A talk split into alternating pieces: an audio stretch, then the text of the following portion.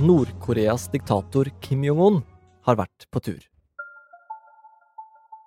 Fra sitt ensomme palass i hovedstaden Pyongyang hoppet han på det private toget sitt og tok turen til Russland for å besøke en av de få vennene han har i verden, Vladimir Putin.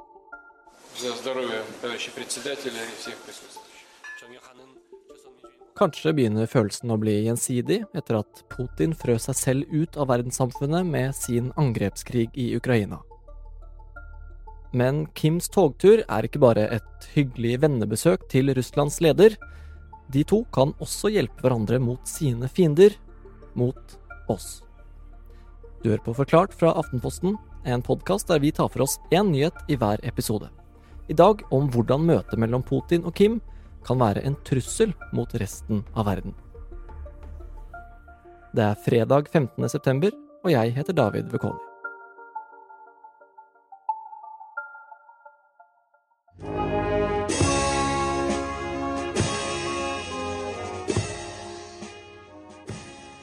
På søndag satte Kim Jong-un seg på toget sitt i Nord-Koreas hovedstad Pyongyang og la ut på en 20 timer lang reise til Russland for å besøke Vladimir Putin. Dette er Aftenpostens Russland-korrespondent Per Christian Aale. Han har fulgt med på Kim Jong-uns togtur fra kontoret sitt i Moskva. Eh, toget krysset grensa på tirsdag, eh, og da fikk han en varm velkomst med orkestermusikk på perrongen.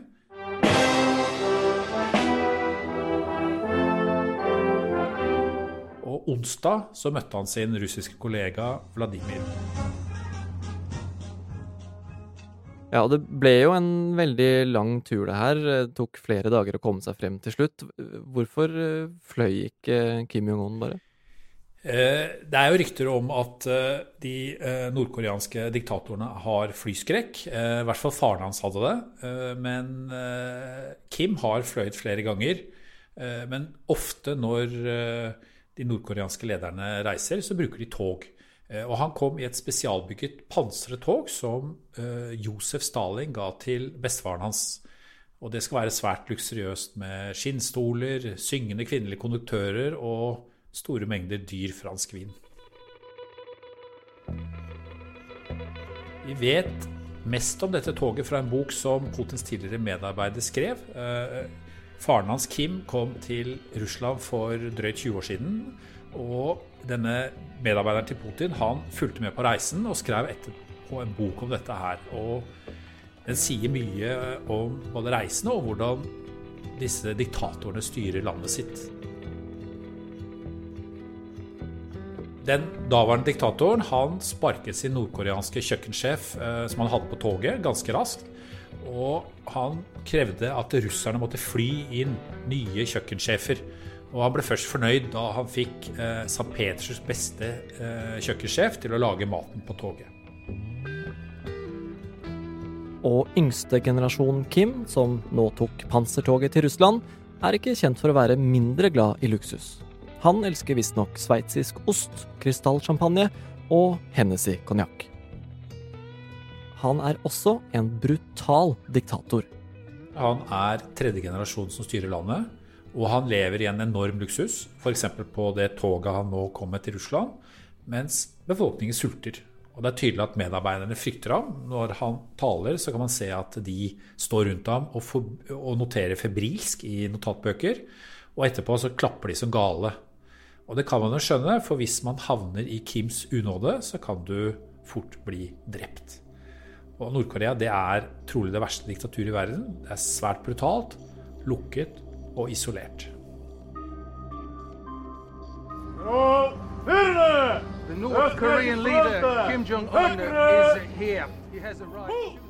Da Kim endelig kom frem etter sin fire dager lange reise, var det for å møte Putin ved det som kalles Vastotsjnij kosmodrom, et romsenter for oppskyting av raketter og satellitter.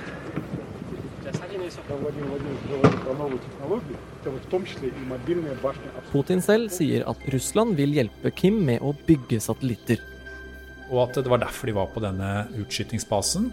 Men vi vet egentlig svært lite om hva de snakket om privat. Det tror imidlertid amerikansk etterretning at de vet. Det er ingen hemmelighet at Putin trenger ammunisjon til sin krig i Ukraina, noe som Kim har store mengder av. Men det Kim skal ønske i retur, kan bli en direkte trussel mot USA og resten av oss.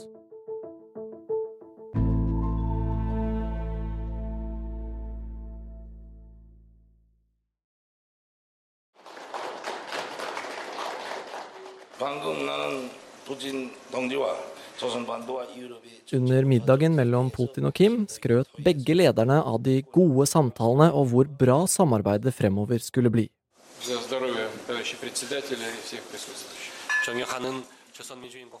Men kontakten mellom Russland og Nord-Korea er ikke noe nytt. Sovjetunionen støttet regimet aktivt etter at Koreakrigen var over i 1953. Men etter Sovjets fall i 1991 så kjølnet forholdet noe. Eh, Moskva har imidlertid opprettholdt kontakten med regimet, men har samtidig støttet sanksjonene mot Nord-Korea i FN. Og Det er rett og slett fordi Russland har fryktet spredning av atomvåpen. Nord-Korea er blitt sett på som en uforutsigbar og upålitelig partner. Men nå ser vi at krigen mot Ukraina det tvinger Russland inn i et tett partnerskap med Nord-Korea. Og de har jo da også mye til felles. De har en felles fiende i USA. Eh, begge land er utsatt for tøffe sanksjoner. Begge ledere er mer isolert internasjonalt. Og begge land er blitt svært avhengig av Kina. Og nå har de altså desperat behov for hverandre. Mm. Hva er det Nord-Korea har som Putin trenger nå, da? Først og fremst så ønsker Putin artillerigranater og panservernmissiler. Eh, Russland har et stort behov etter mange måneder med krig. Eh, og Nord-Korea har enorme lagre. Eh, og dette er sovjetisk ammunisjon som passer perfekt til russiske kanoner. Det er den samme typen som Russland bruker. Angivelig så skal Pyongyang allerede ha forsynt Russland med noe våpen. Men det skal ikke være store mengder. Og det hevder, det hevder i hvert fall amerikansk etterretning. Hva kan det bety for krigen i Ukraina, da, hvis Putin får påfyll av den ammunisjonen som han trenger? Ja, Ekspertene sier at selv om mengden øker, så vil det nok ikke spille en avgjørende rolle i krigen mot Ukraina. Men eh, det vil gjøre det lettere for Putin å fortsette denne utmattelseskrigen. Og det vil jo gjøre det enda tøffere for ukrainerne. Eh, Putins strategi er nemlig å prøve å holde på lenge nok til at Vesten gir seg og stopper våpenstøtten til Ukraina. Og håpet er at Kiev da blir tvunget til å inngå en avtale på Russlands premisser. En annen side av dette er hva det sier om Putin at han nå er avhengig av Nord-Korea. Det her var sånn USAs utenrikstalsmann svarte da han ble spurt om våpenleveransen. It would be a sign of the desperate state in which the Russian government finds itself uh, a year and a half into this uh, war that has been prosecuting unsuccessfully against Ukraine. Um, and we will monitor what happens and, and won't be, uh, will not hesitate to take action to hold those accountable if necessary. Så hva vil Kim ha tilbake for våpensalget? Offisielt så vil han altså få hjelp med å skyte opp satellitter og utforske verdensrommet. Men det skal ikke være alt. Pandemien har satt Nord-Korea i en svært vanskelig situasjon. Offisielt så er det knapt noen døde, men reelt sett skal dødstallene ha vært store. Og Kim han stengte grensene, og de er blitt åpnet uh, bare for en kort tid siden. I tillegg har avlingene i 2021 de skal vært spesielt dårlige. Og det, pandemien og disse dårlige avlingene har gjort at svært mange i Nord-Korea er på randen av sult. Eh, derfor har de, de har stort behov for mat, drivstoff og penger. Og dette håper at han skal få fra sin nye bestevenn Vladimir Putin. Mm, så humanitær støtte til eh, en sultende befolkning, det høres ut som en bra ting? Jo, eh, det er vel og bra, men det er nok ikke alt han vil ha. Selv om befolkningen trenger mat aller mest, så regner man med at Kim presset Putin hardt for å få mer teknologisk hjelp til landets atomvåpenprogram. Eh, Nord-Korea har gjort eh, fremskritt, men de trenger ekspertise for å komme videre i dette programmet. Eh, og de ønsker også å utvikle atomdrevne ubåter. Det hevder i hvert fall amerikansk etterretning. Mm, og da ønsker de at Putin skal hjelpe med det. Hva, hva, skjer da hvis Nord-Korea får atomdrevne ubåter? Vel, hvis nordkoreanske ubåter dukker opp ved USAs kyst og har atomraketter om bord, så blir Nord-Korea virkelig en stor trussel. Eh, og Det samme blir det hvis Russland hjelper dem å utvikle langtrekkende missiler som kan nå USA. Så dette møtet mellom to ensomme ledere er ganske viktig for oss rundt også. Nå skal det sies at Putin strengt tatt ikke har lov til å kjøpe våpen av Nord-Korea, og heller ikke hjelpe dem med å utvikle våpenprogram. Russland har skrevet under på FN-sanksjoner mot landet. Any transfer between um, uh, of arms from North Korea to Russia would violate multiple United Nations Security Council resolutions. Så er spørsmålet om Putin bryr seg om FN-sanksjoner? Ja, Det er et godt spørsmål. Det korte svaret er vel egentlig nei. Eh, krigen mot Ukraina gjør at Russlands omdømme i Vesten ligger i ruiner. Det kan rett og slett ikke bli verre. Eh, og Derfor tror jeg ikke de bryr seg så mye om det.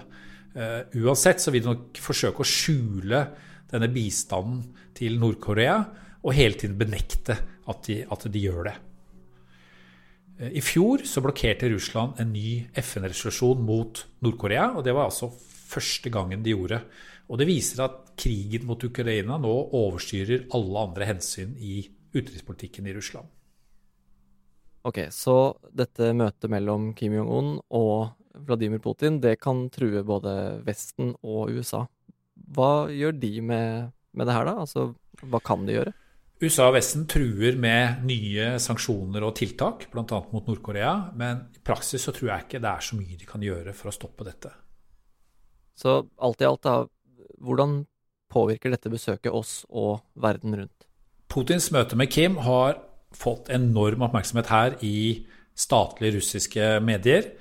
Eh, Putin prøver å vise Vesten at han kan skape trøbbel rundt i verden. Det mener i hvert fall uavhengige russiske, russiske kommentatorer. Selv om Russland hevder at de ikke vil bryte FN-sanksjonene, så sier Putin rett ut at de to landene skal samarbeide militært. Han forstår at Vesten forstår at dette kan bety at Russland vil hjelpe Nord-Korea med atomvåpenprogrammet.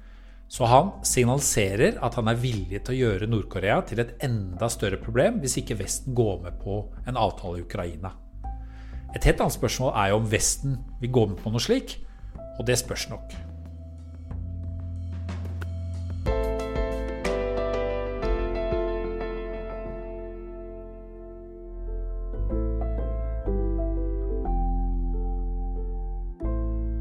Du har hørt en podkast fra Aftenposten. Det var Russland-korrespondent Per Christian Aale som forklarte hvorfor møtet mellom Putin og Kim er så viktig. Lyden du har hørt er fra nyhetsbyrået AP. Denne episoden er laget av Synne Søhol, Jenny Førland og meg, David Vekoni. Og resten av Forklart er Olav Eggesvik og Anders Weberg.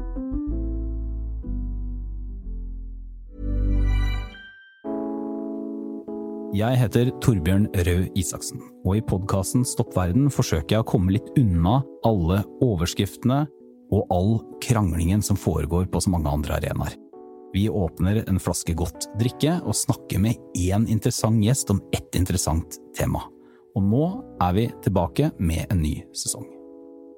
Stopp verden hører du hos Podme.